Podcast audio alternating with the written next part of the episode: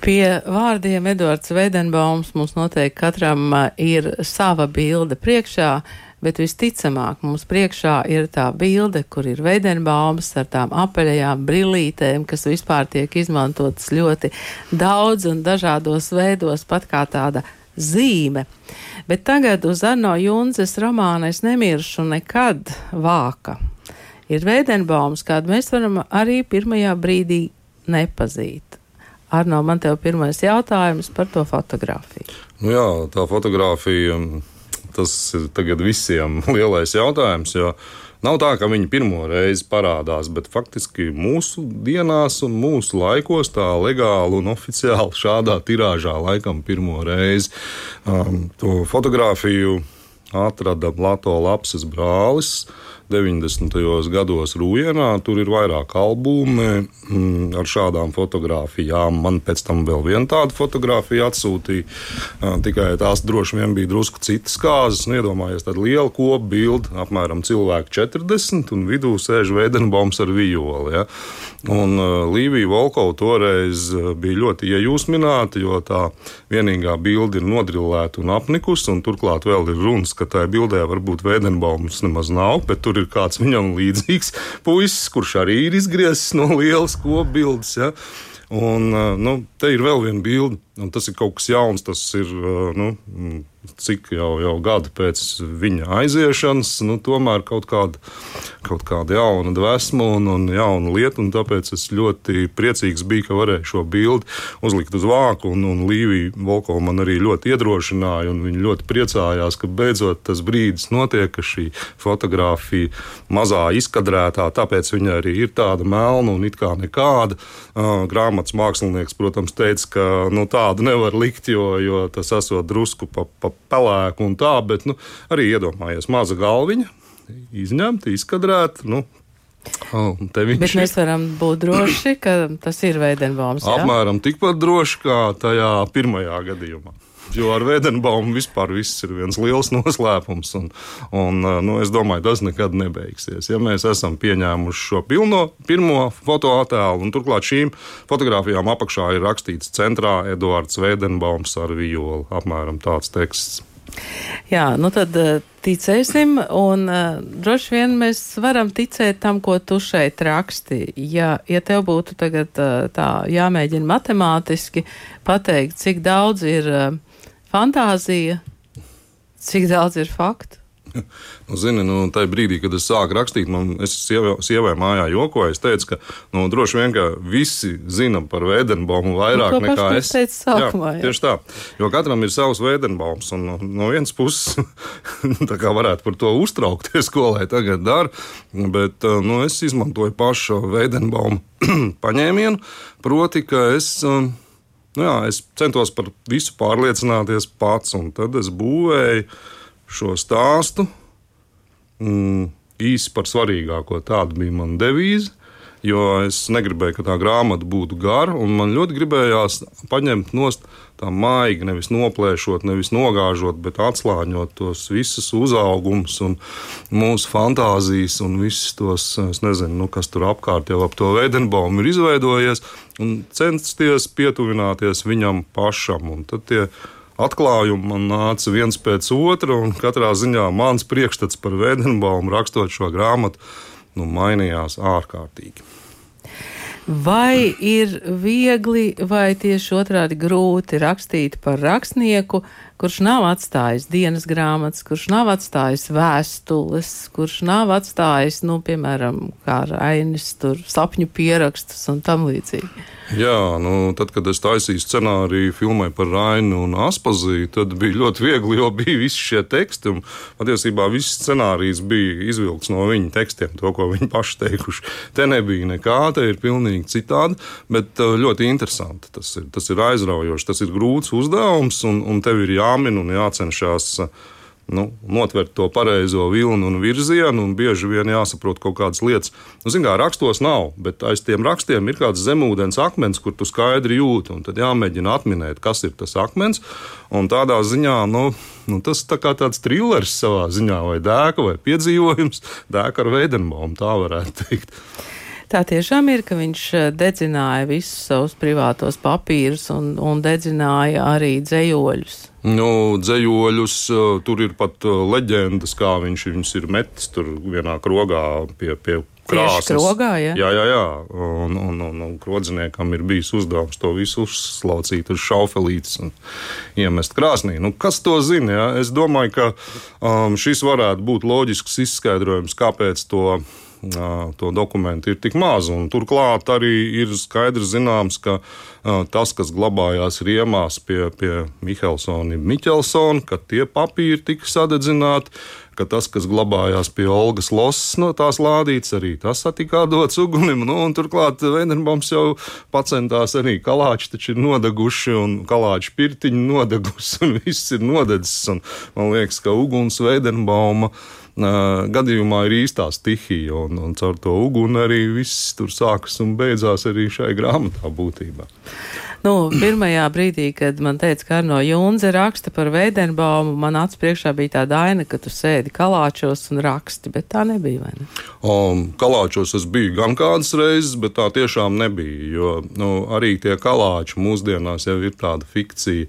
Uh, tie nav tie kalāči, es tur arī mēģinu, Veidenbaums, mans varonis mēģina romānā skaidrot, nu, kur bija tā vecā māja, kur tā klētiņa toreiz atradās un visas tās lietas. Man nav nepieciešams. Uh, nu, ķert kaut kādas.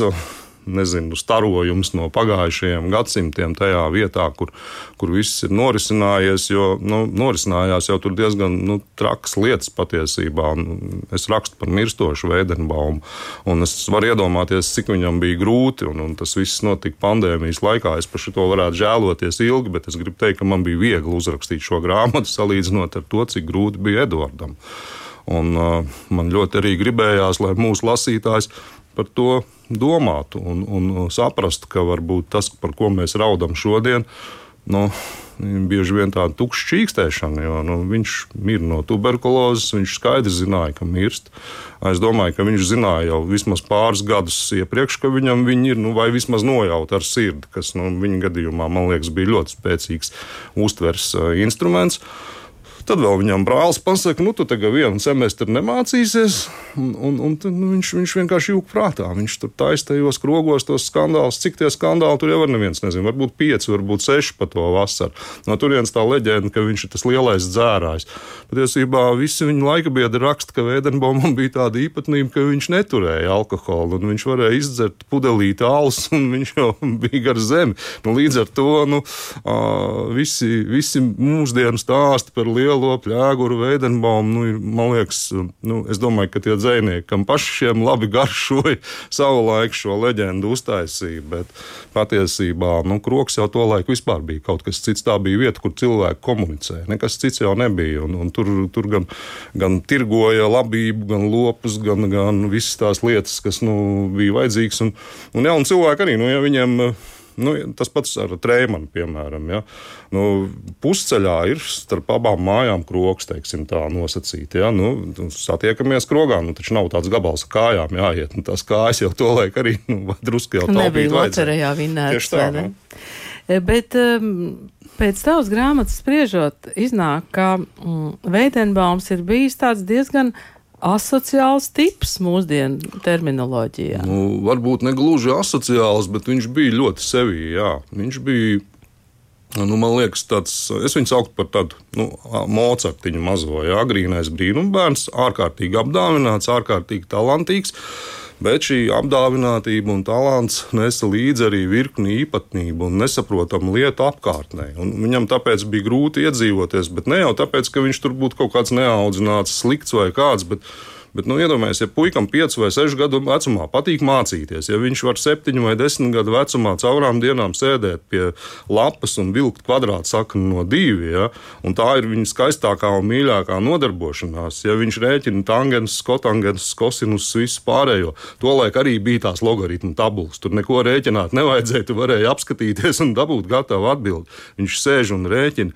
Un turklāt viņš nav spožs matemātiķis, viņš parasti kļūdās tajos aprēķinos. Tā ka tur vēl ir arī šāda puse. Nu, viņš vienkārši bija ļoti sevī un, Un es domāju, visvairāk par viņu brīnījās paši mājnieki, par visām tām viņa idejām, kā viņš tur valodas mācījās, kā aiziet kaut kur mežā, uzrakst to vārdiņu, ko nevar iegaumēt, Uz un kā koka, aizmirst, jā, uz koka jā, vai uz kaut kādu mietiņu. Un, kad aizmirst, tad nevis skatās grāmatā, kas ir tepat blakus, bet gan iet tajā mežā, meklē to mietiņu un tad atrod un tā, nu, tā kā par sodu sev. Ja, un tā viņš arī iemācās tās valodas. Viņš jau ļoti ātri viņas ķer un viņas, viņam ļoti labi līp. Bet, nu, nav jau tā, ka viņš paskatās un viss jau pats ir galvā iekšā. Tu jau pieminēji brāli Kārli. Faktiski, kaut arī kalāči ir um, nu, māja un ir saimniecība, um, tiem bērniem tā šķiet tāda nolemtība. Nu, Kārlis grib iet jūras skolā, viņam nespīd, jo viņam ir jābūt par saimnieku. Um, Eduards grib braukt uz Maskavu studēt, viņam saka, nē, brauksi uz Tērbatu, jo tur ir lētāk. Nu, par māsām vispār nevar, nevar runāt, ka viņām būtu kāda īpašā izvēle. Nu, bet tā jau to laiku arī bija ar, ar, ar, ar šiem uh, saimnieku bērniem. Nu, t- tā varbūt uh, kādam liekas, viņi tur bagāti bija vai kā, bet patiesībā dzīvoja no rokas mutē. Un, uh, to arī muzejā tur var atrast materiāls, ka nu, reizēm viņi varbūt dzīvojuši pat trūcīgāk par saviem kalpiem, jo nu, tev ir jābūvē kūts, tev ir jābūvē klēts, tev ir jāpērk lopi, nu, visi tie darbi. Ja, Un jāmaksā kalpiem. jāmaksā kalpiem, tu vari nesamaksāt sev, bet pamēģini nesamaksāt kalpam. ne? Un man šķiet, ka šajā mm, realitātes redzējumā arī vienā brīdī, kad Veidenbaums ir ļoti aizrāvies ar sociālismu idejām, tas notiek tajā Rīgas periodā, viņš tiešām ir aizrāvies. Viņš ir, Bet vēl- pāriet. Jā, bet pāriet, tāpēc, ka nu, manā grāmatā man tā ir mana versija. Tāpēc, ka mācītājs Nēlants viņam uzdod jautājumu, tu arī savu māju dedzinās, kā viņa aicina. Un, un Veidenbaums ir tas, kas domā, un viņš šo dabū, un tas viņam ir baigais trieciens atkal. Jo viņš ir uzbūvējis uz šo savu uz sociālismu un, un to cīņu par labāko nākotni un pret netaisnību, visus tos savus plānus. Un pēkšņi viņam pasaka, čau, bet nu, kas būs tālāk? Tu nodarīsi jaunas netaisnības, vai no tā būs kaut kas labāks. Ja? Un tad viņš aiziet tālāk, jau eh, tad, tā, viņa interese radās par to ā, jau, jau citām lietām, un drīzāk jau tad viņš ir anarchists, individuālists. Bet es domāju, ka, teiksim, ja viņš turpinātu iet pa šīs dzīves ceļu, viņš gan jau nonāk līdz Nīčam un pārcilvēku idejām, Nu, šajā brīdī tu varētu ieviest uh, skaidrību par uh, visur pieminēto revolucionāro dzējoli Mūsties, mūsties reiz svabadais gars. Jā, tur atkal nu, tikpat labi to varētu norakstīt uz to sociālismu periodu, kas viņam bija. Bet otra lieta, kas nu, ir jāņem vērā, ir šī, šī vācu filozofa teorija par to brīvo garu, un, un Skaidrīta Lasmana ir pat nolasījusi par to veselu referātu. Un es uh, uzdūros arī uz šo tekstu, protams, gatavojot romānu. Un, Un, uh, nu jā, un, un rezultātā es arī sāku domāt, nu kas tur īsti ir tajā dzējolī. Un, uh, es pieļauju, ka Veidenbaumam tas uh, svabadais gars tas, ir kaut kas drusku vairāk par to. Nu, Sociālismā, nu, tagad to proletārieti, kurš tur ceļās no, no barikādēm augšā. Viņam šī atbrīvošanās nu, ir, ir tādā daudz plašākā nozīmē, nu, kaut vai tā ziņā, ka Nu, Veidenbaums necieta muļķis, viņš necieta stulbeņus. Nu, tas, ka tur kāds ir dumšs, to, viņš vēl varēja pieciest, bet ja viņš sāka runāt dumības, tad Veidenbaums palika burtiski traks. Ja. Un to viņa biedra apraksta tērbatā, ka viņš tur ir piekāpis par sevi divreiz lielāku tēvainu, kurš tur kaut ko ir sācis saplam un velst par kaut kādām lietām, ko viņš nesaprot un tā. Un, un es domāju, ka Veidenbaumam šķita, ka nu, tā gāra celšanās ir tā izglītība, ir tās zināšanas. Ir, nu, es domāju, viņš uzskatīja, ka, nu, ja tu esi muļķis, tad tu nevari par to pasaules netaisnību cīnīties. Tu vari to netaisnību pārvarēt ar mācībām, ar zinībām, ar gudrību, kaut kā tā. Un Ļoti tas pats sarežģīti. attiecās arī uz um, jaunkundzēm, vai ne? Nu, jaunkundzēm- Necieta dumjas galīgi. Ja, Jaunkundzēm, jā, nu viņš bija, es domāju, nu, nu kā viņš jau jaunkundzes nebija redzējis tikai savas māsas, un, un tā, tā skolā draudzes, un tur jau arī nebija. Un tad Rīgā tur tās jaunās meitenes parādās, un, protams, viņas grib mm, izrādīties skaistākas, viņas grib uh, patikt, nu, kas ir ļoti normāli, un, un Veidenbaums tagad no tā maz ko saprot tajā brīdī. Un, Un, un viņš vēl ir salasījies to pašu Werteru, par ko viņi tur visi tik ļoti mēģina debatēt. Ja? Un viņš domā, nu kāds viņš stulbenis ir. Nu, kā, kā var tā būt, ka cilvēks tur samīlās un paņem un nošaujās, piemēram. Ja? Un, un tad vēl viņam tas draugs izdara pašnāvību. Ja? Un es domāju, ka viņam, viņš ar Kārlu abi divi ir nolēmuši. Turklāt viņus vēl apkārtnē uzskata par maziem neglītiem krupiem un no tādiem nevienu kārtīgi meiteni neprecēsies. Ja? Tas arī jāņem vērā. Un viņi abi nolēma, ka nu, viņiem ir labi tāpat, ja, ka viņi var bez tām meitenēm iztikt un, un, un tā. Bet, nu, nu, jā, nu, tā apņemšanās jau ir laba, bet nu, tālāk jau arī viņš iekrīt mīlestības cilpās un tur nekā darīt nevar neviens. Jā, līdz viņš ierauga Olgu un tā jau ir Rūjiena un viņa students vai viņa skolnieks faktiski. Skolnieks, jā. jā. Skolnieks. Miķelsons, ir divi, Mihelsons. Jā, tur ir divi varianti. Principā, laikam, pareizāk ir Mihelsons, ko lieto arī padomju laika pētnieki un Līvija Volko, un arī es ņēmu šo uzvārdu, bet ir arī otra forma Miķelsons. Un, piemēram, Uģis Niedra par ārluiku mājām, tā, tas pētījums, nu, tas ir tas pats Mihelsons, ir Miķelsons, kas tās mājas tur vienā brīdī nopērk. Ja. Un Veidenbaums nonāk Rūjienā it kā laimīgas apstākļu sakritības dēļ, bet viņam ir tur tik interesanti. Viņš ir aizbraucis aizbraucis būtībā mācīt to puisi un, un rakstīt savus nopietnos darbus, bet tur ir tāda kompānija, viņiem tik labi iet, un uh, tur ir tas diriģents un uh, komponists Zumēns, pie kura tur kurs nāk mēģināt, un viņi tur spēlē muziku, un Veidenbaumam taču ir vijoli, un viņš ir aizrāvies, beidzot kāds viņu saprot, visi sauc to par čīgāšanu, un viņi tur lieliski pavada laiku, un Miķelsona, Mihelsona brālis ir arī krodzinieks, viņi aiziet uz krogu, viņi tur iedzer pa pudelē alus, kas arī nu, nav nekas tāds, ja, bet neviens neburkšķi kā mājās. Ja, tu tur esi tur tagad pilīti iedzērs un tā tālāk. Viņš tur savu pīpi var uzpakšķināt. Viņam lieliski klājās, viņš ir absolūti kā kūrortā tajā rujienā. Tas ir viņas skaistākais posms, un tad viņš, protams, nu jā, nu tad um, nu, tiek iepazīstināts. Viņš varbūt pat īsti negrib ar to Olgu iepazīties, jo domā, nu jau tur būs. Jā. Un Olga viņu vienkārši apsēdina ar to savu domu dziļumu, un pēkšņi viņš saprot, ka viņam ir beidzot viens cilvēks, ar kuru viņš var runāt par Horāciju. Ja? tā tā lielā mīlestība tur sākās. Un nav taisnība, ka viņš tur vienu reizi bijis vai divas reizes. Viņš tur ir braucis pa kluso vairāk kārt un, un ļoti bieži. Un tur ir tāda interesanta piezīme, Trēmans ir saglabājis tajos savos kopotos rakstos. Nu, Olga viņam raksta vēstuli. Nu, šoreiz mans tēvs tev tikai 5 rubļus var aizsūtīt. Šoreiz tikai. Ja? Tas nozīmē, ka nu, tur tēcis jau viņu droši vien pat tādas notiņas varbūt arī uzskatīja. Un traģiski, protams, ka tuberkuloze to visu iznīcina. Jā, nu, ļoti maz gadu Veidenbaumam mēs, protams, varētu filozofēt, kas būtu, ja viņam būtu atvēlēts tāds garāks dzīves laiks, bet um, tomēr tie viņa teksti, nu, ne tikai apcerējumi, bet um, dzējoļi. Uh, nodrukāti īsti nav viņa dzīves laikā. Nav, nav. nav vai ne? Tu, ir tikai tulkojumi. Jā. Nu jā, un, un tad es saprotu, ka tie dzējoļi ir ceļojuši starp viņa studiju biedriem un tam līdzīgi. Un cik mēs īsti varam ticēt, kāds ir tas nu, pirmais teksts, tas, tas Vēdenbaum teksts? Tas ir jautājums, uz kuru, uz kuru nav atbilžu. Un arī nebūs atbilžu, ja neatradīsim tās grāmatiņas. Tur tāda melnā piezīme grāmatiņa tur figurē. Vajadzētu būt kaut kā. Uh, nu jā, vajadzētu būt, bet varētu arī nebūt. Uh, nu, ja nav atrasts tagad, es nezinu, nu, tur kaut kas ir. Jā. Es domāju, tur varētu būt arī kaut kāda autorības jautājuma, jo, teiksim, Vēdenbaums jau pats tulkotajos tekstos Sevišķi prozas tekstos tas apcerējums, tas mehānisms jau ir, ir, ir no franču valodas tulkots. Tas jau nav viņa radīts. Tāpat tas, tas uh, briesmīgais teksts par to sociālismu, ko nevienam nevar rādīt, un kuru dēļ Treimana un izdevējs Krastiņa ieliek cietumā, tā kā viņi nodrukā raksts. Uh, nu, tas jau arī ir taisīts un kompilēts no tiem vācu sociālistu tekstiem. Ja? Tas jau arī nav tā kā viņi paši pilnībā izstrādāts.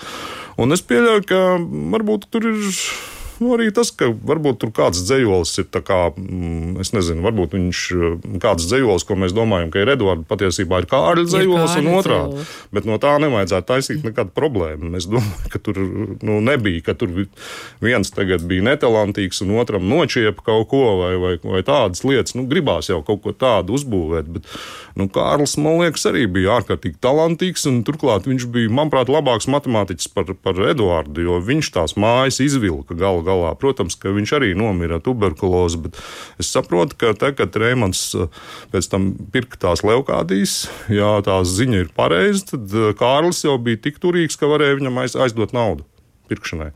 Tur bija kaut kādi, tur, tur tajā brīdī tur tas saistīts ar tām ražām, neražām, ar kaut kādu koku veiksmīgu pārdošanu un tādām lietām. Un kroņa mežs tur bija arī kaut kāds izsoles. Nu, gluži tā kā mūsdienās viss notiek. Un... Ražas, neražas gads un cenas krīt vai kāpī. Um, Veidenbaumu dzimta un uh, šis te, nu, dzimtas koks. Jā, jā tas dzimtas koks, nu to gan es neesmu zīmējis. Es strādāju Valmieras muzejā un muzeja darbinieca man teica, zini, mums te tāds dzimtas koks varbūt, ka nodara varbūt vajag ielikt viņu grāmatā, jo nu, ir uzzīmēts, viss ir savākts, kāpēc nē. Un es paskatījos, jā, kāpēc nē, manuprāt, ļoti labi. Mēs tikai te novienādojām atkal tos vārdus ar galotnēm. Jā, jo jūla reizēm ir jūle un Karlīna un Karlīne un, un, un Kristīna un Kristīne un tur, tur visas tās lietiņas. Turpat nav svarīgi, kā tev ir ierakstīts baznīcas grāmatā. Viņiem pašiem tai viņu sarakstē vienā vēstulē ir ar A, otrā ir ar E. Un tā kā Edvards pats parakstās kā Edvards reizēm, tad, tad nu, ir grūti saprast. Tas par to baumas, tas arī ir kaut kas tāds. Baumas ir viņa iesauka. Viņš arī dažās vēstulēs parakstās tavs baumas. Tā, tā ir tādas studiju laikā, acīm redzot, radusies viņa iesauka. Jo, jo to Eduardu tiešām tajā brīdī ir nu, vairāk nekā tagad Jāņus tā jūt. Jo, jo, tur, nu, kā paskaties tā Eduards priekšā vai Edvards. Jā, un, un, un, eh, Saki, kad tava interese par Eduardu Veidenbaumu radās? Nu, Zini, kā nu, man jau Edvards Veidenbaums uzveda uz šī literatūras ceļa vidusskolā. Jo, Man bija briesmīga latviešu valodas skolotāja līdz 8. klasē. Man bija drausmīgs ar viņu konflikts un tā tālāk. Un, un, un es biju nikns uz visas pasaules literatūru. Man ļoti patika lasīt, bet nu, man ārkārtīgi kaitināja tas, kas tur notika. Un tad 9. klasē Olga Ines Lemhena, mums jaunā skolotāja toreiz, un Veidenbaums kā faktiski pirmais, ar ko mēs sākām, un viņi atvēra man citu pasauli būtībā. Un, un tajā, nu, droši vien jau, ka man kaut kāda interese par to literatūru iekšā bija, bet nu, es nedomāju, ka ja tā tas būtu turpinājies, ka es jau katru rakstītu kaut ko vai nodarbotos ar to, ko es nodarbojos. Nu, šobrīd eh, šis latviešu prozas un literatūras miedarbes projekts Es esmu ir radījis šo iespēju um, mm, rakstīt, iedzīvoties, jo nu, tu raksti es formā.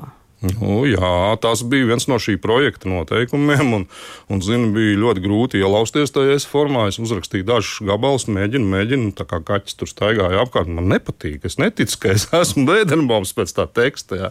Un tad es uzrakstīju grāmatu vienīgais liecinieks, kas bija es formā. Es ielauzos, es ļoti lauzu arī savu stilu un, un, un uh, visu to rakstību un izdomāju, kā varētu būt. Un pēc tam es gāju atpakaļ pie Bēdenbauma tad jā, tad es varēju rakstīt. Es. Un man arī par to grāmatas nosaukumu saka, ka tas ļoti lecīgs tas nosaukums. Nu, es ir mazliet, nekad. Jā. Nu, bet, eh, ja palasu to grāmatu, tur ir tā vieta, kā viņš reāli ir pateikts. Viņš to saka mammai, viņš mēģina to mammu nomierināt. Mamma redz, ka viņam jau mācītājs jāaicina. Jo jo nu, gals ir tuvu. Viņš mammai saka, neuztraucies, mamma, es nemiršu nekad pats saprot, ka melo, bet mammu viņš mierina. Un, un, nu, nu jā, nu, tā, tā, tā Tāda baltie meli, jā? Jā, tieši tā. Tagad uh, mēs neko priekšā nelasīsim. Mēs ļausim, lai visi lasa paši, un tad pēc kāda laika mēs varbūt palasīsim radio mazajā lasītavā. Svētdien Kalāčos tu lasīsi kaut ko? Svētdien kalāčos es ceru, ka lasīs cēs aktieri un arī dziedās cēs aktieri. Tāda ir vienošanās. Man patīk lasīt arī pašam, bet eh, nu, te bija tāda iespēja, nu kāpēc nē? Nu, ja viņi man ļoti prasīs, es kaut ko nolasīšu, bet, bet man šķiet, ka šis teksts arī ir ar, ar tādiem nu, īsākiem teikumiem, kas atbilst tam Veidenbauma nerunībai, un varbūt arī vieglāk. Man jau parasti tie garie teikumi, zinu, un ļoti grūti viņus izlasīt reizēm, it īpaši citiem no malas, tad es pats kaut kā varu, bet, bet, bet um, aktieriem tur mūžīgi ir moks un mežģās mēli un tā tālāk. Bet uh, jā, šis man liekas ir tāds, ko var lasīt. Var lasīt. Var, var. Arno Junzes nemiršu nekad romāns par Eduardu Veidenbaumu šajā projektu sērijā es esmu. Droši vien būs interesanti nolikt blakus, kad būs gatava Māras Gruduls monogrāfija par Eduardu Veidenbaumu. Jā, es ļoti ceru, es ceru, ka viņi arī kaut ko atradīs, kaut gan nu, ļoti grūti būs ko atrast. Man vienkārši ir interesanti, kā viņi izies no šīs situācijas. Jo ar Veidenbaumu arī ir tas labums, ka nu, tur arī nu, pirms tam ir labas grāmatas bijušas. Nu, tāpat Līvijas Volkovs grāmatu. Un, un, un viņš tomēr nu, nu, nebūtu Ed, Edvards Trēmans Zvārguls, ko es te visu laiku saucu par Trēmanu. Nu, es domāju, vai mēs vispār viņu pazītu. Jo Trēmans izdeva tos kopotos rakstus pats abars krastiņu izdevēja, pasēdēja cietumā dēļ tiem rakstiem, bet ar to arī Veidenbaums iegāja. Nu, tur arī ir visas tās fotogrāfijas vienīgās, un arī tur, kur nav fotografija, ir zīmējumi. Nu, tā, ja, nu, tas, viņš jau izdarīja visu to pamatdarbu, lai mēs Veidenbaumu varētu baudīt. Par to viņam paldies. Un, protams, ka Veidenbaumu mēs varam baudīt dažādās muzikālās variācijās. Viena no tādām skanēs arī tagad. Paldies Arno Juncem par sarunu šeit kultūras rondo studijā.